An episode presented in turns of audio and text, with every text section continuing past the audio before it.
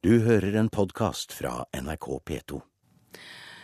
Og nå er klokka fire minutter over åtte, og vi skal til Kulturnytt. Og det blir mer om Golden Globe-prisene, Turi Grønbekk? Ja, blant en av de tingene som er spennende hvert år, det er jo om komiker Ricky Gervais lager skandale. Men det viktigste, det er jo prisvinnerne.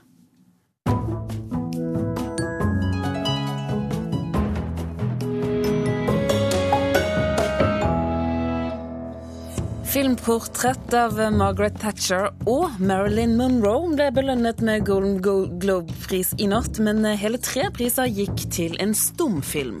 TV3 får ikke lov å kreve vandelsattest av reality-TV-deltakere, og ny teatersjef i Bergen har staket ut en helt ny kurs på den nasjonale scene med et gammelt stykke.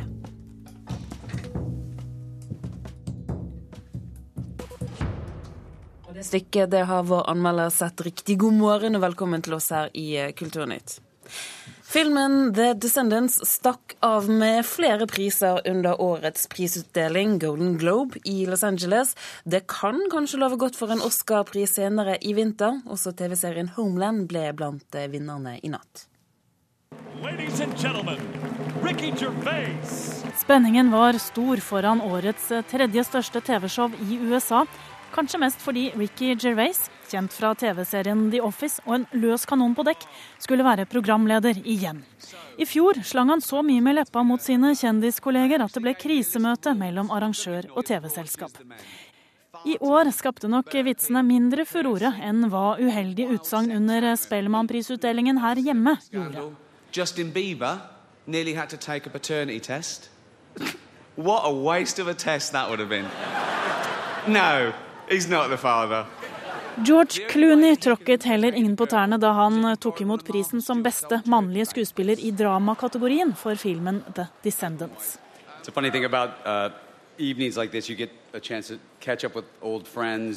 I filmen spiller han en advokat som må jobbe med forholdet til sine døtre etter at konen hans havner i koma. Does she love him? Drop it, Dad. You've got way bigger fish to fry than confronting some guy. Filmen The Descendants fikk eh, også prisen for årets drama. Etterretningsserien Homeland fikk pris som beste TV-drama, og her kunne Claire Danes stikke av gårde med prisen for beste kvinnelige hovedrolle. Serien Modern Family fikk pris som årets TV-komedie.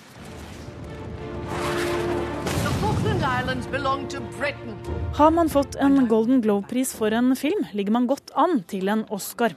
Det kan love godt også for Meryl Streep, som fikk prisen som beste kvinnelige hovedrolleinnehaver for tolkningen av Margaret Thatcher i Jernkvinnen. Well, it's all very well to talk about changing my voice, Mr. Reece. But for some of my colleagues to imagine me as their leader, be like imagining, I don't know, being led into battle by their chambermaid. Også filmen The Artist dro inn flere priser, både i klassen for beste musikal og komedie og for beste mannlige skuespiller.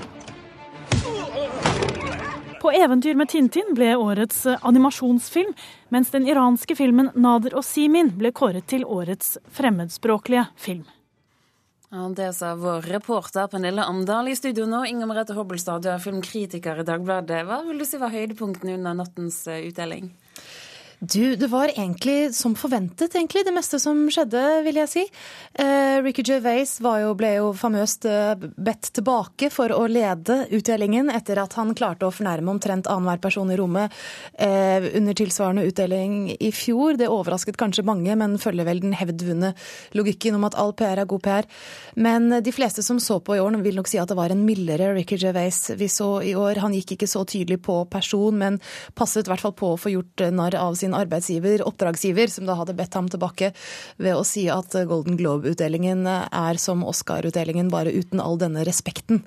Eh, og utdelingen er jo allmenn kjent for å være en lett versjon av Altså en lettere utdeling enn Oscar-utdelingen. En lettere utdeling, hvordan da? Altså Litt mindre prestisje? Ja, my, mye mindre prestisje. Det det, dette er da priser som blir delt ut av en eklektisk og litt vilkårlig samling av 88 filmjournalister. Det er da ikke snakk om kritikere, det er snakk om litt sånn mer sånn sladrepresse, glamour, eh, filmreportere, mer eller mindre. Og de har, du ser at i motsetning til Oscar-utdelingen, så har de f.eks. ikke filmfaglige tekniske priser. De har derimot en drøss av skuespillerpriser som gjør at de kan line opp en lang parade av stjerner på den røde løperen. Eh, og er også altså Det man sier litt foraktfullt om Golden Globe-utdelingen, er at den er mer opptatt av star power enn av kvalitet og av eh, skuespillerinnsats og kunst per se. Men, men, det man ofte sier i samme åndedrag som Golden Globe, det er jo at det kan gi en pekepinn på Oscar-nominasjoner. Ja, men det, du kan si at det har mye med timingen å gjøre. Altså Utdelingen er jo rett før Oscar-nominasjonene skal leveres inn, så den gir en eh, veldig klar som pekepinn om hvem som har medvind i seilene, eh, og regnes derfor som noe som preger Oscar-utdelingen. Og nettopp fordi den er såpass glamorøs og det er en svær TV-sending, så følges den jo også av mange og får mye oppmerksomhet. Og der er det jo en del tendenser som har pekt seg ut nå, da. Hvilke da? Eh, nei, At Meryl Streep vant for beste kvinnelige skuespiller for, i rollen som Margaret Thatcher. Det overrasket jo absolutt ingen. Hun har vært regnet som en favoritt lenge og vil nok antagelig vinne Oscar. Det du ser, er jo at uh, utdelingen var en slags, også en slags kjærlighetserklæring til George Clooney og en slags ny respekt for hans arbeid. Han vant jo for beste uh, mannlige skuespiller i en dramafilm uh, for The Descendants, og den filmen vant også kanskje litt overraskende prisen for beste drama. Litt sånn tett lite sånn emo-drama om forskjellige spenninger innad i en, i en familie som er i en krise. Eh, så at George, George Clooney har fått ytterligere en slags velsignelse da, fordi sitt arbeid er, er tydelig. Og Det du også ser som kanskje er litt mer oppsiktsvekkende, det er at en europeisk produsert faktisk stumfilm, eller praktisk salgsstumfilm, vinner prisen for beste komedie. Golden Globe-utdelingen har jo motsetning til Oscar, eh, Oscar, så jobber jo Golden Globe med både en dramakategori og en komediekategori. Og dette er jo da en film som har vunnet stadig flere hjerter etter at den ble vist et, eh, i eh, Cannes i mai, og sjarmerte omtrent alle som så den. Som er en slags bittersøt liten komedie om en stumfilmskuespiller som må prøve å finne nytt fotfeste etter at lydfilmen kommer, og som gjør overraskende stor suksess også på andre siden av Atlanteren nå. Som snart har premiere her i Norge. Eh, Meryl Streep har du allerede nevnt. Eh, altså Filmen om eh, Marilyn Monroe, der ble også skuespilleren ja. Eh, hedret med en, med en, pris. Er det en slags tendens at kjente mennesker på film det blir det pris av? Ja, og du kan jo si at det har vært en tendens lenge. Eh, altså vi har jo, både I fjor så vant jo Colin Firth for eh, også å spille en ekte person i Kongens tale. Philip Seymour Hoffman vant noen år før det igjen, for, som Truman Capote. Uh, Forrest Whittaker for rollen som Idi Amin. Altså det har vært, I mange år så har det vært en ganske eh, trygg rute å ta om det er priser du fisker etter. Og jeg tenker dette har litt med å gjøre med at det er, det er veldig det er veldig lett å beundre de skuespillerne som klarer dette. ikke sant? Fordi du kan, du kan, se dem opp mot originalen, du kan se hvordan de plukker opp stemme, fakter, hvordan de klarer å Så er det der etterligningsaspektet eh, som kommer, i tillegg til at de klarer å besjele eh, rollefigurene sine med, med, liv, da, tross alt. Det er jo ikke bare snakk om eh, å, å verdsette det ytre. Men jeg tenker at disse store amerikanske filmutdelingene har det, skuespillerprisene har det med å belønne nettopp det tekniske, nettopp det fysisk imponerende. De er også veldig glad i folk som legger på seg eller tar av seg vekt eller endrer seg fysisk og liksom går inn i rollen på den måten. Mens om du vil se mer subtile, kanskje emosjonelle eh, skuespillerinnsatser beundret, så bør du kanskje heller se på kritikerprisene eller prisene som kommer ut av de store festivalene, for å se hvem det er de legger merke til. Inga Merete Hobbelstad, takk for at du var med oss her i Kulturnytt.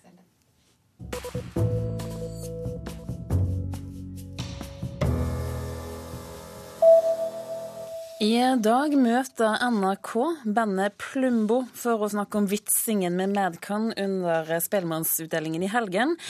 Målet er eh, å finne ut hva som skjedde, og om dette skal få konsekvenser for Plumbo sin deltakelse i Melodi Grand Prix om to uker, da de etter planen skal fremføre sangen Ola Nordmann.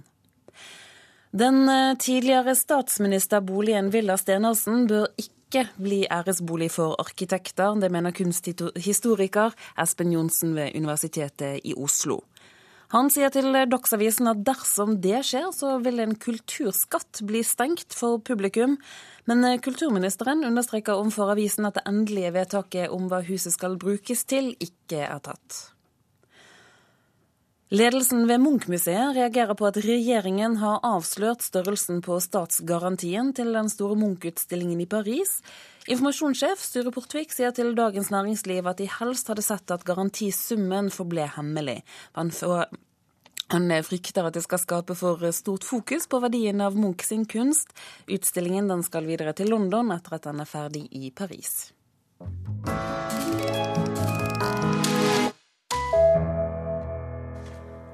Ikke mindre enn tre av Norges institusjonsteatre har valgt å starte året med stykker av den tyske dramatikeren Bertolt Brecht. I helgen var det premiere på to av dem, bl.a. på Den nasjonale scene i Bergen. De setter opp Mor Courage og barnet hennes. Vi skal høre et lite uttrykk fra stykket. Her har jeg en sittende med ei tru og en med pengeskrin. Vet ikke hva som er farligst. Ja, nå er vi alle i Guds hånd. Noe som forklarer hvorfor jeg sover så dårlig om nettene. Men jeg tror ikke vi er så fortapt. Hadde det ikke vært for ungene, hadde det vært lettere, men jeg skal nå få ordna noe. Karin Frøsland Nystøl, du er vår anmelder, og i helgen så var du da i Bergen for å se dette, som faktisk er åpningsstykket til den nye teatersjefen Agnete Haaland. Hva er dommen?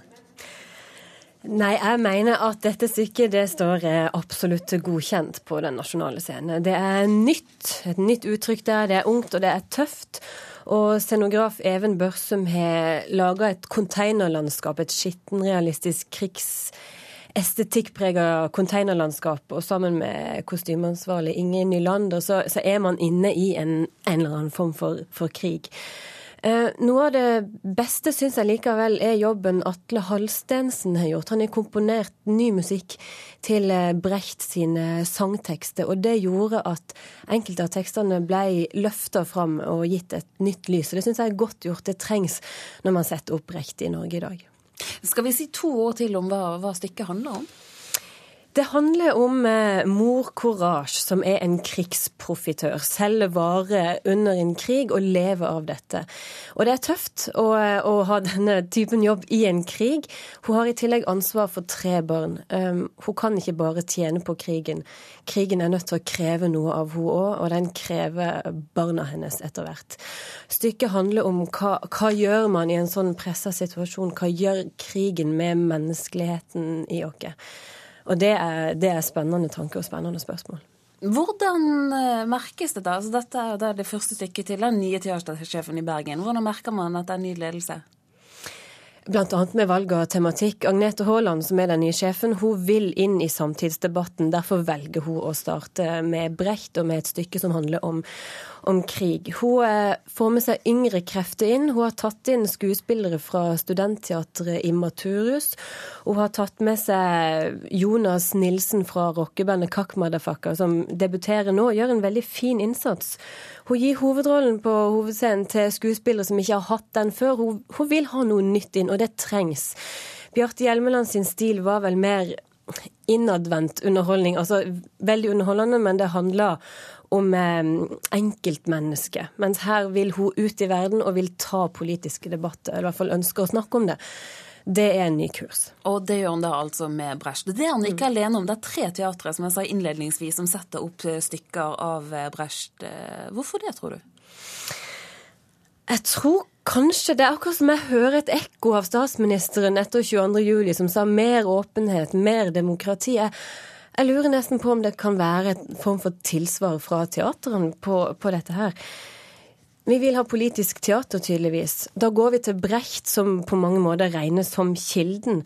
Det han ville, var å engasjere publikum, og han ville at de skulle stille seg sjøl spørsmål. Han ville at de skulle forandre livene sine. Det er viktig å huske at eh, stykkene til Brecht er lærestykker. Man skulle lære noe. Det er et tydelig budskap, og det skulle man lære av å ta inn i egne liv. Og kanskje, kanskje det er en diskusjon vi trenger nå. Eh, dette med Sånn som med morcourage, hva gjør man i en sånn pressa situasjon? Men så spørs det jo om teatrene klarer å stille disse spørsmålene. Og så spørs det igjen om publikum er villige til å gå inn i denne typen refleksjon. Um, regissøren Piscator, som jobber sammen med Brecht, han, han, kjørte ganske hardt på. Han tok inn krigsinvalide på scenen i den type stykke og lot de rulle, rulle, over scenen mange ganger for å virkelig vise hva som er ekte, altså hva som faktisk skjer i en krig. Og jeg lurer av og til på om nesten noe sånt trengs for å vekke et norsk publikum av og til. Den nasjonale scenen klarer ikke alltid å stille disse spørsmålene så godt, men de har noen scener som er veldig gode, bl.a. der eh, sønnen til Mo Courage intervjues og hylles av et samla mediekorps fordi han har slakta ned bondefamilie på bondefamilie. Det, det får en til å tenke. Karen Fresland Nystøyl, takk for at eh, du kom hit til Kulturnytt.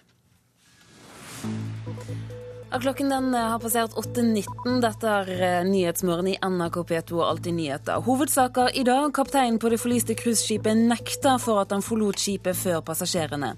FN forhandler om å få frigitt den bortførte nordmannen i eh, Jemen. Og bli med oss videre her i Kulturnytt. Straks så skal vi høre at bergenske designere nå tar et bergensk konsept ut til utlandet. TV3 får ikke kreve vandelsattest av reality-TV-deltakere. TV-kanalen har bedt Kulturdepartementet om lov til dette, etter at de valgte å redigere ut en av deltakerne i fjorårets Robinson-ekspedisjon, da det kom frem at han er dømt for pedofili. Kulturdepartementet sier tvert nei, men TV3 har ikke tenkt å gi seg. Vi tar jo ikke et nei for et nei. Problemet er jo der like fremt. Eh, så vi går videre og har blitt anbefalt å ta dette med Justisdepartementet. Det sier administrerende direktør i TV3, Lasse Kokkvik. TV-kanalen får ikke kreve vandelsattest av folk som deltar i reality-programmer.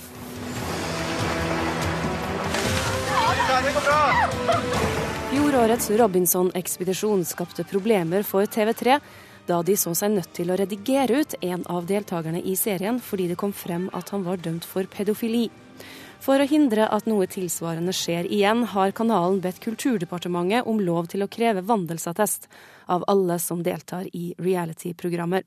Men det får de ikke tilgang til, sier statssekretær Kjersti Stenseng. Eh, og så er ingen planer om å gå videre med spørsmål om vandelsattest på reality-programmer. Eh, det er ikke noe som vi skal blande oss inn i. Kulturdepartementet endret kringkastingsloven i 2011, og da ble det bestemt at TV-kanaler kan kreve vandelsattest av programdeltakere som jobber med barn.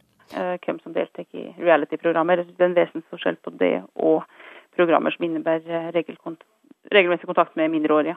Straffedømt blir straffedømt og sone den straffa de skal ha, og skal òg ha muligheter til å delta i samfunnet etterpå. Denne begrunnelsen holder ikke, mener TV3s Lasse Kokkvik. Altså, dette dreier seg om å eh, skåne eh, seere, eh, potensielle ofre av tidligere gjerningsmenn som ikke har vært sannferdige med sin bakgrunn, eh, og meddeltakere i eh, da typisk reality-programmer. Vår interesse i denne saken først og fremst eh, er eh, å skaffe en, eh, et sannferdig bilde av hver enkelt deltaker og deres historiske gjerninger for å ta stilling til dette i case by case. TV3 får støtte fra både TV 2 og TV Norge. Også Ada Sofie Austegard i Stine Sofies stiftelse, som jobber for å hindre vold og overgrep mot barn, er sterkt uenig med Kulturdepartementet. Her er det snakk om å ta hensyn til fornærmede og etterlatte som er utsatt for grove kriminelle handlinger. Og eh, det, det har de tid til. Da er det bare manglende vilje, og da er det manglende forståelse for fornærmede og etterlatte sin uh, situasjon, og den retraumatiseringa det er å måtte se gjerningspersonen i et uh, familieprogram. Reporter her, det var Eirin Venås Sivertsen.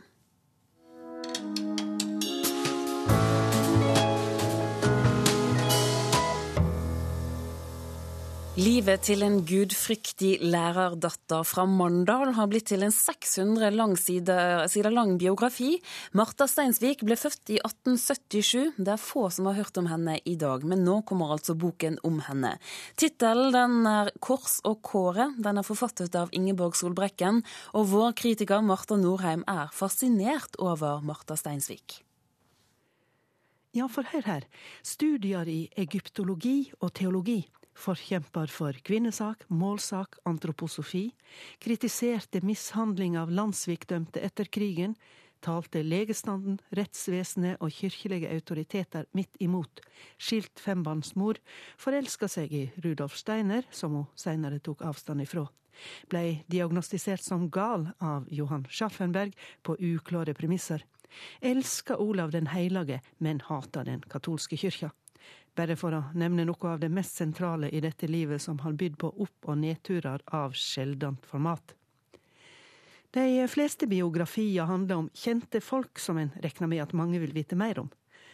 Andre biografier drar fram slike som har blitt glemt, men som det kan være vel verdt å kjenne til. Steinsvik er helt klart i denne siste kategorien, og det er all grunn til å ønske biografien om henne velkommen, selv om den har sine problematiske sider, som jeg skal komme tilbake til. Det er klart, når du har fem barn, ingen mann, en diagnose på galskap og elendig økonomi, så har du mer enn ett problem. I mange år reiste Steinsvik land og strand rundt med foredrag om egyptologi, kvinnesak, uhumske sider ved den katolske kyrkja, skolemedisinen, krigsoppgjøret og Sions vise protokoller, som hun trodde på. En problematisk helt for alle leirer, vil jeg tro, og det er sikkert derfor hun er så godt som glemt. Biograf Solbrekken legger ikke skjul på at Steinsvik er kontroversiell, men hun gjør mye for å forklare og forsvare henne, og hun toner ned de mest problematiske sakene. Både boka og Steinsvik hadde tjent på flere nyanser her.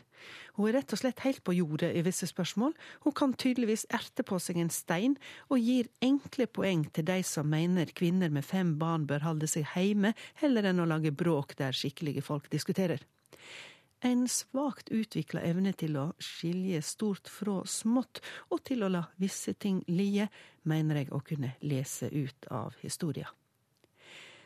Forvirrende nok har Solbrekken omsett Steinsviks tekster fra landsmål eller riksmål til vanlig bokmål, uten å forklare hvorfor. Jeg stusser også stadig på underlige og uforklarte påstander som at kristendommen eksternaliserer det vonde, eller at kvinneforkjemperne representerte ei naturlig kvinnekraft. Til tider er det vanskelig å vite om det er Martha eller Ingeborg som sier disse merkelige tinga. Jeg eh, savner en kritisk distanse og et overordna perspektiv ifra biografens side. Uansett, Martha er ei stasdame, fryktløs, kompromissløs og på parti med de svake til hun ligger der, bokstavelig talt. En problematisk helt, ja, men en helt, helt klart. Det sa vår kritiker Martha Norheim. Kulturnytt i dag det var laget av produsent Espen Alnes. Hans Ole Munvold har hatt det tekniske ansvaret, og her i studio Turi Grønbekk.